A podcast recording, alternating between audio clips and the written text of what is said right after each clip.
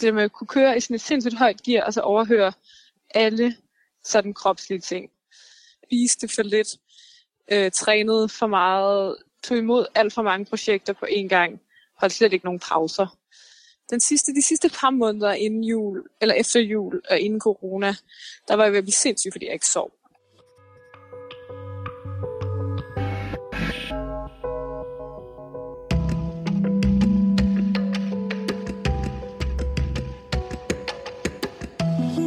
Corona har udløst en verdensomspændende krise.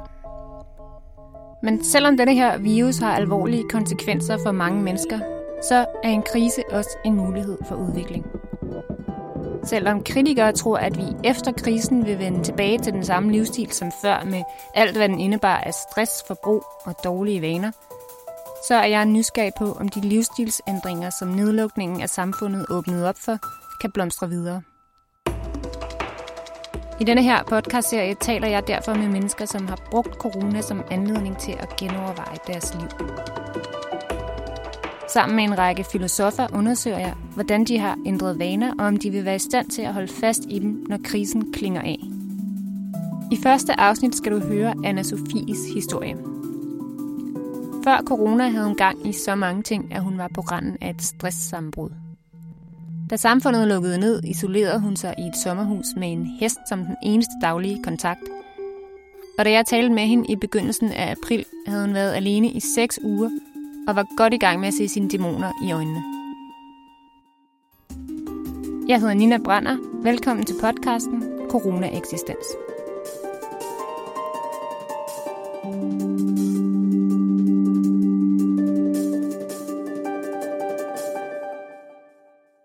Hej anna Sofie. Hej Nina. Tak fordi du har lyst til at være med i den her podcast.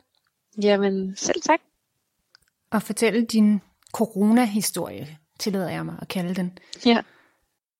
Fordi corona-pandemien, som det jo korrekt hedder, har jo sat gang i en udvikling hos dig, som vi skal tale om i dag. Ja. Du er 28 år, du bor normalt i Berlin. Nu sidder du temmelig isoleret i et sommerhus i Melby. Ja. Hvor er det, hvor er det nu Melby ligger? Det er tæt på øh, Liseleje, er det rigtigt? Ja, lige præcis. Øh, to kilometer fra Liseleje, øh, hvor sådan fra hvor jeg sidder nu, lige nu sidder jeg i soveværelset, kan jeg se den gamle mølle, øh, Melbymøllen og kirken. Der er sådan en ret flot kirke. Øh, og så er der de sådan meget karakteristiske jernalderhøje, som jeg bare elsker. Øh, det er sådan lige rundt om hjørnet, øh, hvor sådan et stort grønt område. Så der er virkelig skønt. Da Danmark indførte lockdown, var du jo, som sagt, i Berlin, men tog en hurtig beslutning om at øh, rejse til Danmark og indlogere dig i det her sommerhus i Melby, og nærmest ikke har set nogen mennesker, har du fortalt mig. Det er jo noget af et skift, tænker jeg, fra dit fra dit liv i Berlin. Hvordan vil du beskrive din hverdag i Berlin før corona? Ja, det var, sådan, det var en ret stor kontrast, fordi øh, jeg gik fra mit, mit liv i Berlin, øh, hvor det har nok sådan været karakteris- karakteriseret af, at jeg har haft gang i sådan virkelig mange forskellige artede projekter, har kørt sådan, altså de sidste år har jeg bare kørt sådan 120 km i timen, hvor jeg både har kørt øh, forskellige øh, musikteaterprojekter. Arbejder med musikteaterinstruktion, øh, og så har jeg kørt øh, tysk kurser og universitetskurser. Jeg læser også en master i teatervidenskab på Freie Universitet i, i Berlin og arbejde ved siden af. Da jeg kom op i sommerhuset, fandt jeg ud af, sådan, hvor hurtigt jeg prøvede at genetablere nogle af de rutiner, jeg kendte. Jeg har trænet rigtig, rigtig meget, øh, fordi jeg ikke har sovet, så har jeg kunne få energi ved at træne meget. Så hver, altså jeg plejer at træne hver morgen. Øh, så jeg lagde mig hurtigt de her sådan, rutiner, øh, som mindede lidt om noget af det, jeg kendte i min hverdag i Berlin. Sådan stå op tidligt, træne, sætte mig og gå i gang med at arbejde. Og så lige pludselig blev det bare sådan, det føltes bare mere og mere meningsløst øh, at gøre det. Eller sådan, også i stedet for sådan at øhm, tage imod de muligheder, der var for faktisk at prøve noget andet af. Så jeg sådan, gik i stedet for lidt over den anden grøft, og faktisk sådan, også lidt fordi jeg ikke har sovet, så tænkte jeg, okay, jeg må prøve at komme helt ned i ro, så jeg ligesom stoppede faktisk fuldstændig med at træne, hvilket har været ret voldsomt for mig, der bare har gjort det i hele mit liv, eller sådan altid, og går kun langsomme ture, og jeg begyndte at prøve at spise helt andre ting, begyndte sådan at lave, som rigtig mange andre også i de her coronatider, men du ved, har en surdej, laver mad for bunden. Øh, jeg begyndte at sådan, gå op i sådan nogle sanke ting. Altså jeg ved ikke, hvad fanden der sker, men jeg har aldrig været sådan en naturagtig person, der er min interesse. Så det vil sige, før, der, da du boede i Berlin, ja. eller da du, da du havde gang i din normale hverdag, så vågnede du, så trænede du, og så gik du ellers bare i gang med din med dine forskellige jobs, med dit ja. studie, øhm, med alle de projekter, du har kørende ved siden af. Og så yes. kørte den ellers bare, og så sov du en 3-4 timer om natten. Ja. ja. Hvordan ser en typisk dag i sommerhuset ud nu? øhm, det første, jeg gør, er faktisk at gå tur. Øhm, inden jeg spiser morgenmad, og gå langt. Også øh, i starten, der øh, var meget sådan, hørte meget radio om morgenen, når jeg gik. Øh, så begyndte jeg at høre lidt lydbog. Og nu er jeg begyndt at øve mig i at gå uden at have lyd i ørerne. Hvordan er det? Jamen, det er faktisk lidt grænseoverskridende. Øh, og også fedt, men jeg kan mærke, at lige pludselig kan jeg høre min vejrtrækning. Øh, og lige pludselig er der plads til at tænke nogle andre ting. Øh, og øh, det, det, er, det, kræver, det kræver ret meget. Af en eller anden årsag så kræver det noget, noget mod at gøre. Men, men det er virkelig dejligt, når det lykkes. Hvad er det, du mærker inden i dig, når du, når du går den her morgentur? Har du så en impuls til at sætte en podcast på, eller til at sætte noget musik på? Ja, helt vildt meget. Og hvad gør du så for at lade være? Jamen, så prøver jeg at øve mig i at sådan, trække vejret og, og kigge rundt. Altså sådan, det der med at få øh, lige pludselig mm, få farver i øjnene, få lys i øjnene, Øh, og så genererer det bare idéer på en helt anden måde, så jeg kan ligesom lade mine egne tanker flyde videre. Jeg kan mærke det sådan, ja, jeg er stadigvæk lidt inde i den der tankegang mellem sådan, okay, det kan jeg bruge til noget, eller sådan, du ved, så tømmer jeg hovedet, og så kan jeg bruge det til noget kreativt, men det er også bare en øvelse i at gøre noget, som ikke har et mål. Og det kan jeg bare mærke er sindssygt ret. Jeg begynder simpelthen at se ting for mig. Jeg havde sådan en, en lille... Det var, der var jeg lige kommet hjem fra min morgentur, nogle gange går jeg en halv time, nogle gange går jeg to timer om morgenen. Øhm, men der havde været lige ude i mit drivhus og hente nogle krydderurter. Og så da jeg gik ind tilbage til sommerhuset, øhm, så så jeg himlen, og så så jeg nogle skyer, og så var det bare så smukt. Og så var det, gik det op for mig, at jeg tror, det var første gang i sådan, og det lyder som sådan en lille banal ting, men jeg tror, det var første gang i sådan et, et år, at jeg faktisk har, har lagt mærke til himlen, uden at det har været sådan, ej, nu skal vi se, hvor det er smukt, eller nu skal vi sådan, du ved, med et mål, men jeg, jeg, jeg lagde bare mærke til, hvad der var rundt omkring mig, og det gav mig bare sådan en kæmpe glæde og ro. Og det var sådan meget sådan afgørende øjeblik. Øh, jeg tror bare virkelig, jeg indså, hvor, hvor lidt jeg har set, hvad der har været rundt omkring mig, og hvordan jeg virkelig bare har gået fra A til B til C til D. Øh, fra jeg stod op og ligesom har instrueret mit liv, og det er måske også, at jeg arbejder også med instruktion, og det har jeg bare fundet ud af, det har jeg også bare gjort med sådan mit privatliv. Altså sådan, alt har bare ligesom hele tiden haft en eller anden form for, for plan.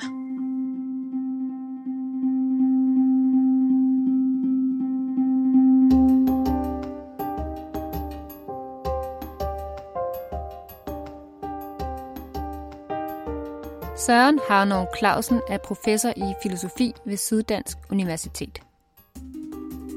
Han forsker blandt andet i livskvalitet og lykke, og jeg har talt med ham om, hvilket udviklingspotentiale en krise som coronakrisen rummer, og hvordan man griber det an, hvis man gerne vil bruge den konstruktivt. Kriser, øh, de rummer enormt udviklingspotentiale. Det kan man se. 2. verdenskrig, det var en helt usammenligneligt værre krise end coronakrisen. Det tror jeg nok, man kan sige, uden at nedvurdere eller undervurdere coronakrisens alvor. Øh, der kom jo faktisk rigtig, rigtig meget udvikling ud af 2. verdenskrig. Man kan sige, at samfundene blev simpelthen klar over, både hvilket destruktivt potentiale, der ligger i ja, menneskeheden og, de og, og, og, og, og samfundene, og også klar over, hvad for et positivt potentiale, der ligger i, hvad man kan gøre kollektivt og i fællesskab. Så man kan sige, at hele opbygningen af velfærdsstaterne, øh, også meget af det internationale samarbejde osv., komme ud af 2. verdenskrig. Og der synes jeg godt, man kan se, øh, ja nu, vi ved jo ikke, hvad der kommer ud af coronakrisen endnu, Men man kan godt se nogle tendenser i samme retning til, at der ligesom kollektivt er opstået en erkendelse af sådan, hey, for det første, hvad har vi egentlig haft gang i? Øh, og så også, hey, hvad kan vi egentlig, hvis vi, øh, hvis vi tager sammen, og hvis vi gør det i fællesskab og støtter hinanden, så kan vi faktisk gøre rigtig, rigtig meget. Og øh, det samme gør sig også gældende på individplan, tænker jeg. Ikke? Altså man bliver, man bliver virkelig præsenteret for sit liv, som det har været, øh, på godt og ondt, og, øh, og man bliver mindet om, øh, hvilket potentiale man har, øh, øh måske uerkendt potentiale, og man får også prøvet det her potentiale af, fordi mm, altså man skal heller ikke glemme, at der er nok også nogen, der sådan tror, at nu, nu kan de se, at øh, de har ikke brug for at rejse så meget, og de har ikke brug for at forbruge så meget osv., og, og det går øh, fint osv. Men, men der tænker, jeg, at coronakrisen er også interessant, fordi den, den, den træner og den tester, fordi nu, nu var den jo et stykke tid, og øh, jeg tror nok i mange tilfælde, at folk også finder ud af, at helt så let er det heller ikke at øh, ændre livsstil. Altså nu har vi lidt fået foræret en mulighed for at prøve, prøve det af, det her med at gøre nogle nye ting. Øh, hvorfor er det så svært ellers? Jamen det er jo nok fordi vaner er vigtige for os, og vaner er jo sådan set grundlæggende positive. Ikke? Altså hvis vi ikke havde vaner, så ville vi simpelthen ikke kunne fungere i verden. Så skulle vi jo hele tiden så skulle vi simpelthen opfinde vores liv øh, igen og igen øh, og, og, og blive klog på, hvad der er rigtigt at gøre, og det har vi simpelthen slet, slet ikke overskud til. Så vi, altså, vi, vi har brug for vaner, og det tror jeg også, når man, når man sådan, altså man kan jo tit godt indse, at en vane ikke er så heldig. Ikke? Altså jeg ved udmærket uh, en, en hel del om ja, uh, mine spisevaner og drikkevaner og transportvaner og alt sådan noget. Jeg ved udmærket uh, en del om, at de er ikke så gode i alle hensener, men, men det, det er ikke tilstrækkeligt til at ændre vanerne. Øh, og, og så, så, så det skal vi forholde os til. Men, Og det tænker jeg igen, at coronakrisen bringer os for øje, hvor meget vi er vanemennesker, hvor svære vaner sædvanligvis er at ændre, og så samtidig måske også minder os om, at værre er det heller ikke med lidt ihærdighed, øh, og måske også vilje, så kan vaner godt ændres.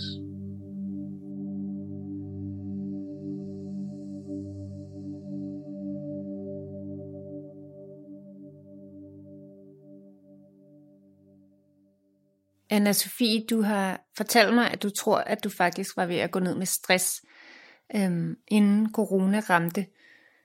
Nu har du fortalt mig, at du sov ekstremt dårligt, men var der andre tegn på stress, som du mærkede, men som du ignorerede? Ja, absolut. Altså, der er sådan flere, flere øh, ting, som jeg sådan, måske skulle have reageret på for længst. Altså, sådan noget med, at jeg, sådan, jeg var bare det med at kunne køre i sådan et sindssygt højt gear, og så overhøre alle sådan kropslige ting. Altså sådan noget som, jeg startede med sådan bare lige at tabe mig 10 kilo. Altså det var sådan, kørt bare vildt højt tempo, spiste for lidt, øh, trænede for meget, klarede alt, tog imod alt for mange projekter på én gang, holdt slet ikke nogen pauser. Den sidste, de sidste par måneder inden jul, eller efter jul og inden corona, der var jeg ved at blive sindssyg, fordi jeg ikke sov. Nogle nætter, hvis jeg, havde sådan, hvis jeg sov 3-4 timer, var det fint nok, men hvis jeg sov øh, hvis jeg ikke har sovet en hel nat, så begyndte jeg bare at blive mærkelig. Ja, nu er du jo 28 og, og ung ja. og har en stærk krop, men alligevel tænker jeg, at 3-4 timer søvn er virkelig... Ja, ja. Øhm, hvor, længe, hvor længe har du kørt det her tempo? Øh, jamen et år i hvert fald. Mere end et år, ja, måske. Altså, men jeg har, altså, jeg har faktisk i hele mit liv kørt rigtig højt tempo. Altså, jeg har altid været sådan højpræsterende og været interesseret i mange ting og ligesom kørt sådan ret intenst og kørt lidt i ekstremer, tror jeg. Øhm, Hvorfor? Ja, det er et godt spørgsmål. Og det er også de her ting, som jeg lige pludselig sådan, har besluttet mig for os, og hvis man har muligheden for at, at gå ind i at tænke over, hvad fanden det er, jeg løber fra, eller sådan, der var også nogen, der sagde sådan, at skal blive ved med at løbe væk fra dig selv. Altså jeg tror, jeg har sådan en, en naturlig ret stor nysgerrighed, og jeg elsker at arbejde, øhm, og også meget sådan dedikeret til mit arbejde, og slapper mest af, når jeg har ting at arbejde med. Øhm, jeg har også haft bedst til at hygge mig, når jeg så har været sådan, okay, nu har jeg planlagt, at vi hygger os med et eller andet, og laver et eller andet. Eller nu går vi teateret sammen. Altså, men bare det der med at være for at være, det har aldrig rigtig dyrket. Det lyder også som om, at du er en, et menneske, der interesserer dig for mange ting. Øhm, selvfølgelig, og det er jo heller ikke kun negativt, øhm, at man har, har mange bolde i luften på den måde. Øhm, men jeg tror, der er mange, der kan genkende til, at de har svært ved at være til stede i nuet og simpelthen bare slappe af, uden at have et mål. Absolut. Absolut. Så tror du også, der er, der, er, der er et pres udefra for at, at udrette noget? Ja, altså det, det tror jeg helt klart. Øhm, men jeg tror i virkeligheden også, det, går op, altså det gik op for mig, at sådan, det pres udefra er også ligesom, hvordan man responderer på det. Altså fordi jeg finder ud af, at så komme til den her, altså mm, til den her, det her sommerhus, hvor det hele har, har været så øh, isoleret, hvor der har været alle mulige muligheder for at kunne lægge sin livsstil helt om. At jeg egentlig startede med bare at genoprette, altså selv skabe alle de ydre presser. Man kan sige, jeg har også, altså jeg tror også meget, at det kommer fra mit indre, indre, som er det gode, at jeg har et kæmpe drive, en kæmpe passion, men også det, der sådan kører mig totalt flad som en pandekage. Øhm, og, og det kommer også selvfølgelig, når man er i Berlin, så er der jo en milliard tilbud, som jo kan stimulere den side, der er hey drive, hey fit, hey den idé, den idé, går med den gruppe, og ja til det, og til det, og til det, og der sker noget hele tiden. Øh, jeg tror, det er nemt at leve det liv, uden at mærke efter, hvad det egentlig har af, af indflydelse, og hvad man egentlig går glip af med den her stillstand, og den her fordybelse, og den her sådan lidt sådan isoleret munketagtige tilværelse, som, som jeg synes er hård, men jeg også synes er virkelig, virkelig god. Altså jeg kan mærke, at jeg arbejder, hvilket jeg ikke troede, men jeg arbejder så sindssygt meget bedre kunstnerisk her, end øh, jeg gjorde i Berlin, hvor jeg jo bare havde alle muligheder for at arbejde sammen med fede mennesker, og fik vildt mange kreativ input hele tiden. Så virkelig lært nogle nye sider af mig selv at kende på den måde, og begyndt at tænke nogle nye tanker, og har virkelig faktisk taget hele mit, min tilværelse op til genovervejelse. Øhm, på den måde, at altså, jeg tror bare ikke, jeg har mærket, mens jeg har levet mit andet liv, som har været griner eller vildt inspirerende. Jeg elsker at bo i Berlin, jeg elsker at få indtryk og arbejde med forskellige mennesker, og du ved, men jeg har måske også men løbet væk fra mig selv i lang tid. Øhm, og det her med, når man sådan ikke får nogen input udefra, ud over naturen og de heste, jeg er nede og siger hej til hver morgen, som står nede på øh, højene, så kommer man jo bare i kontakt med nogle, øh, ja, nogle, nogle, nogle, nogle sider og nogle øh, følelser, som man måske normalt kan løbe væk fra.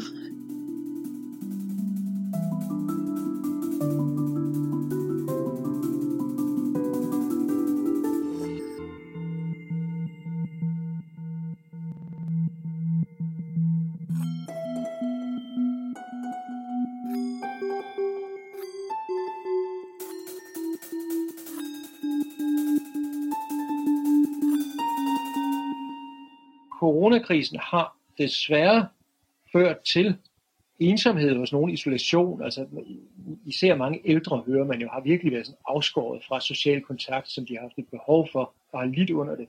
Men jeg tænker i mange andre tilfælde, og her er anne Sofie måske igen et meget godt eksempel, så har det mere været et tvunget eksperiment med at være alene, fordi det må netop også komme an på en prøve, hvor øh, god eller dårlig man er til at være alene. Altså mange frygter nok netop, at hvis de er alene, så, øh, eller hvis de bliver alene, så bliver de ensomme. Øh, men, men det er netop ikke givet. Og, øh, og, fordi det kommer an på, hvor stort ens behov, øh, og, og hvor konstant ens behov øh, for social kontakt er.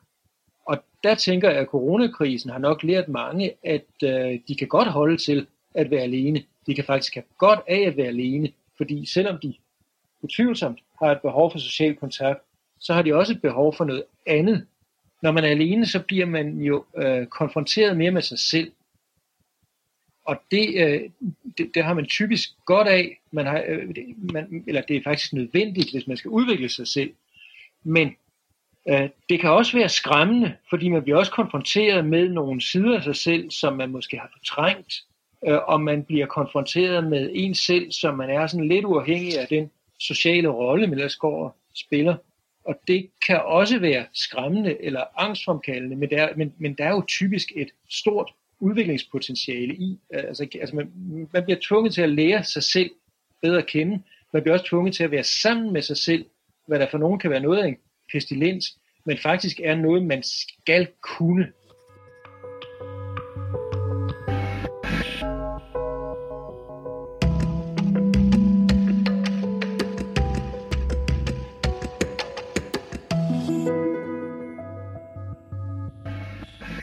Altså, jeg synes, jeg er nået til et punkt, hvor jeg ikke rigtig har kunne løbe fra mig selv mere. Det har jeg måske brugt en 20'er på, og også måske min teenage. Og, øhm, og det her med, at jeg sådan virkelig skal tage hånd om mig selv i det her, fordi det er mig selv, jeg har her. Så det her med altså sige, okay, nu skal jeg faktisk gøre noget ved, at jeg har trænet som en vanvittig, at jeg ikke har sovet, øh, hvad, hvordan er mit forhold til mine forældre og mine søskende, hvordan er min, altså sådan de der sådan lidt grundlæggende ting, som jeg tænker sådan altid sådan om, vi har jo alle sammen et eller andet. Og det kan vi altid tage sig af senere. Ja, præcis. Og det er også bare lidt navlepillende at gå op i det, men, men hvor man kan mærke sådan, gud, det påvirker jo hele mit liv, hvordan jeg sådan helt grundlæggende, altså sådan helt ned i de der grundstrukturer, hvor man måske, jeg har måske nærmest forhærlighed, at jeg har været sådan typen, der har været højpræsterende, med masser af energi og med og et højt drive, men hele tiden overhørt, at det også har nogle rigtig store skyggesider, sådan rent øh, personligt med, med altid at have haft sådan lidt stressproblematikker, eller have haft sådan meget sådan præstationsproblematikker, og ligesom kunne tage fat i de ting, det er jo bare mega anstrengende at, at arbejde med sig selv på den måde, og virkelig gøre noget ved det. Altså det er fucking svært at ændre vaner. Hvordan gør du det, det helt med, konkret, hvis vi nu tager søvnen som eksempel?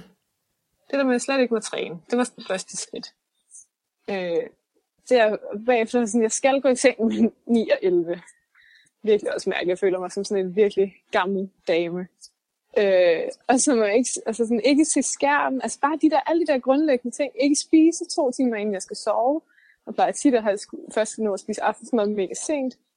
Øhm, og så sådan, sove, man skal ørepropper, og være i seng, og sådan, sådan grundlæggende gode, gamle ritualer. Altså alle de der hus, husmorråd, som, altså det der med, at man altid sagt sådan, at man skal ikke spise lige, inden man sover, fordi så vil man ondt i maven, hvor man har glemt, men alt det der, det virker. Det er de råd, man, man, man tænker hver mandag, at man vil indføre i sin hverdag, men så ja. allerede onsdag, så glipper det lidt. Præcis. Tror du, at du vil have kunne lægge dit liv om, eller din hverdag om i Berlin, uden coronakrisen som i gang sætter? Nej, jeg, det var, altså jeg tror seriøst, altså jeg ved, jeg ved faktisk virkelig ikke, hvad, jeg er godt lidt bekymret for, hvad der kunne være sket, hvis jeg ikke havde fået, hvis verden ikke var gået i stå. Min identitet har været, hey, jeg har været i Berlin og arbejdet med opera og performance og studeret og, og sådan ting. Jeg er jo ikke nogen, når jeg er her. Men finder ud af, okay, men jeg er jo faktisk bare nogen i mig selv i det her. Og altså, jamen, så tror jeg måske igen, fordi det her med min, min kreative arbejde, det er bare ligesom blevet så godt feedet af det. Så, så det her med sådan at tænke sådan, okay, jeg kan faktisk godt være heroppe alene og finde glæden ved, ved arbejdet, uden at det skal være for, at der kommer en eller anden identitet ud af det, eller der kommer en anerkendelse ud af noget, øh, for en tid i hvert fald. Og jeg behøver faktisk ikke at få så mange øh, indtryk øh, udefra. Ifølge Søren Harnov Clausen kommer presset for at præstere netop ofte indefra. Men det er faktisk muligt for os at gøre os fri fra det pres. Der er jo rigtig meget snak øh, i debatten om øh, præstationskultur og om, at øh, politikerne øh, kræver, at vi skal blive klar til arbejdsmarkedet, og vi skal være produktive, og, og, og så, øh, og, så der, der er rigtig meget snak om, at systemet stresser os, og, og den her præstationskultur stresser os. Og det, og det lyder tit lidt som om, øh, at mennesker er sådan nogle kastebolde i det der øh, stressende system, øh, og de ville egentlig bare de ville hellere leve på en anden måde, men det kan de ikke. Og det tror jeg er forkert, og det synes jeg, Anna Sofie øh, viser øh, rigtig, rigtig øh, godt. Fordi hvis det ikke var, fordi vi selv kunne lide det, øh, og selv spillede med, så vi den her præstationskultur slet ikke kunne sætte sig igennem. Altså jeg lige pludselig kan jeg også forestille mig, sådan, jeg går, når jeg går rundt, går mine ture og prøver nye små stier og sådan noget, så har jeg lyst til at bo på landet. Åh, det har jeg aldrig nogensinde tænkt før. Og så prøver jeg at proppe en lille bitte smule af sådan, for eksempel finde ud af, at der er en kaffebar i til leje. Så går jeg en halv time ned, og så laver de rigtig kaffe. Altså laver de coffee collective kaffe, og det elsker jeg stadigvæk. Og så er jeg stadigvæk også lidt sådan en sokker for det der bykaffeløb. Men så kan jeg have det som et lille ritual. Lidt måske sådan i forhold til, hvis man boede i Berlin, så kunne man også lige tage toget ud og gå en tur ved Krummelanke, eller sådan få det. Og nu er det sådan lidt omvendt, at jeg lever i det her naturskønne, totalt stillestående øh, univers, og så en gang imellem tager jeg lige en afstikker, hvor jeg går ind til, til byen, eller til byen, til Liseleje, og får en kaffe. Og det, er sådan, det var så det, det, der skete den dag. Altså det tyder på, at hun er ved at finde en mere passende balance mellem de forskellige aspekter i sit liv. Det er også øh, den måde, man nok typisk må gøre det på, hvis man øh, ønsker veje livsstilsændringer, ikke? så skal man prøve at gøre det, som i første omgang virker vanskeligt og udfordrende, og som man ikke har så meget lyst til, gøre det, som man siger, sådan, til sin anden natur. Det, det, det, det, det lader til at være meget det, hun, hun er i gang med, og til synligheden i gang med at lykkes med.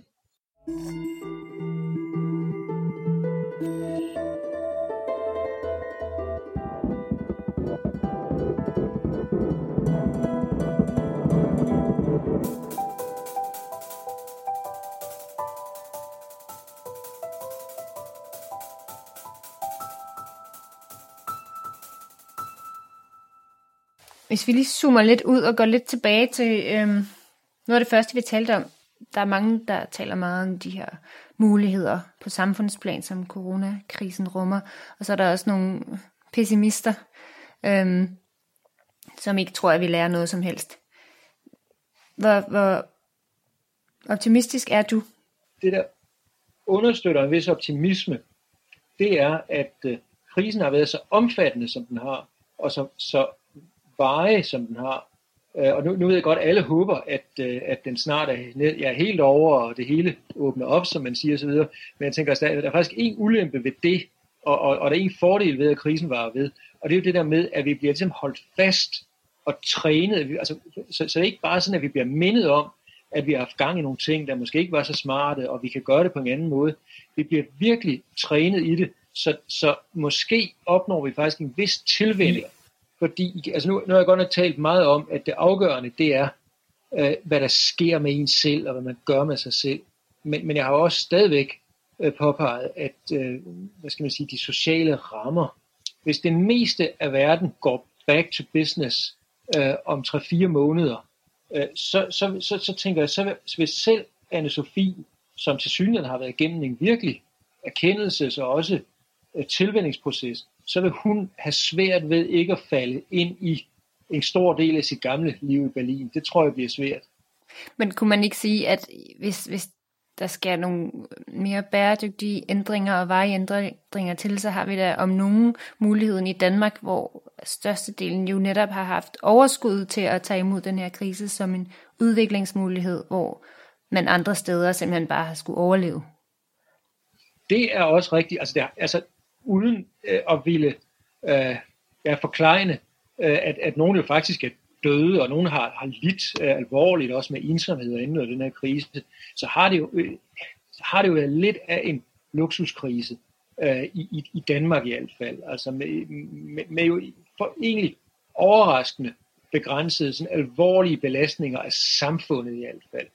Øh, og, øh, og, og, og lige præcis derfor, så, så burde vi have overskud, og vi, vi burde have haft overskud til øh, ja, at tage erkendelsen øh, fra krisen og, øh, og, og virkelig have brugt den til øh, at eksperimentere med vores måde at leve på, øh, netop fordi vi ikke har skulle lave brændslukning i forhold til øh, meget store sundhedsproblemer og samfundsmæssige udfordringer. Så jo, bestemt.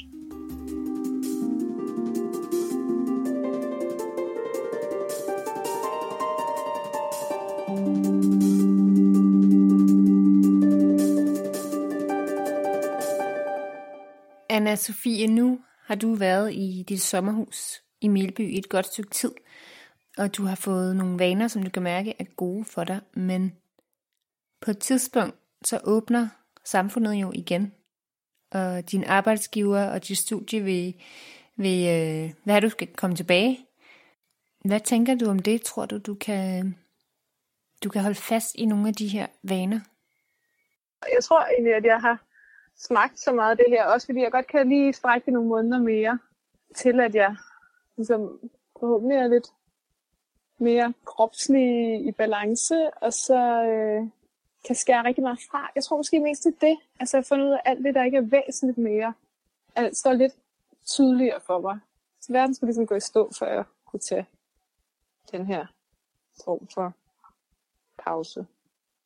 Så i forhold til, hvem du var før i Berlin, og den identitet som den her meget aktive kunstner, øhm, du er stadig kunstner, men du er også lidt blevet en, en, en gammel dame fra det forrige århundrede, som gror ting i dit drivhus og bager og går i seng klokken 9 om aftenen. Ja. ja altså, Hvordan sover du nu? Jamen, altså faktisk har jeg faktisk haft lidt optur, fordi jeg har haft to dage, hvor jeg har sovet i hvert fald 8 timer, og det, altså, det er ikke sket i et år. Samtidig kan jeg også have, altså, så har jeg også haft i sidste uge øh, en fyldt søvnløs nat, fordi jeg så lå og tænkte på en samtale, jeg havde haft med en sanger til en prøve, hvor jeg var sådan, ah shit, jeg ville gerne have gjort det her anderledes. Så der er stadigvæk sådan, jeg har også en hjerne, der bare kører øh, derudad. Men også fundet ud af, sådan, der vil jeg altid bare have, normalt har jeg arbejdet rigtig meget i min seng, lige når jeg skulle sove. Og så var jeg bare sådan, fuck, jeg kan ikke arbejde efter klokken er 6. Altså jeg blev nødt til, sådan, jeg, fik åbne, jeg må ikke åbne min computer så sent. Altså det går bare ikke. Altså så får jeg det der søvnløsnætter, så tager det 100 år at komme efter det, hvor det her bare ikke mærket. Så jeg er bare begyndt at sove bedre. Altså det, er, det, det virker jo bare de der ting. Banalt som det er. Det er jo tit det banale, der virker, når man rent faktisk tager sig tid til at følge det til dørs øh, i praksis anna Sofie, jeg vil ønske dig held og lykke med at få de nye vaner med videre i dit liv efter lockdown, når du flytter ud af dit sommerhus. Hvis du flytter ud af dit sommerhus. Tusind tak, fordi du havde lyst til at være med. Ja, selv tak. Om anna Sofie formår at holde fast i sin stressfri hverdag, vil tiden vise, jeg synes i hvert fald, at det er værd at hæfte sig ved Søren Harnovs pointe om, at det kræver både tid, indsigt og vilje at ændre sine vaner. Og at det er noget, man måske først virkelig kan gøre, når man tør at være alene med sit irriterende, stedige og måske en lille smule bange selv. Jeg hedder Nina Brander, og du har lyttet til Corona Eksistens.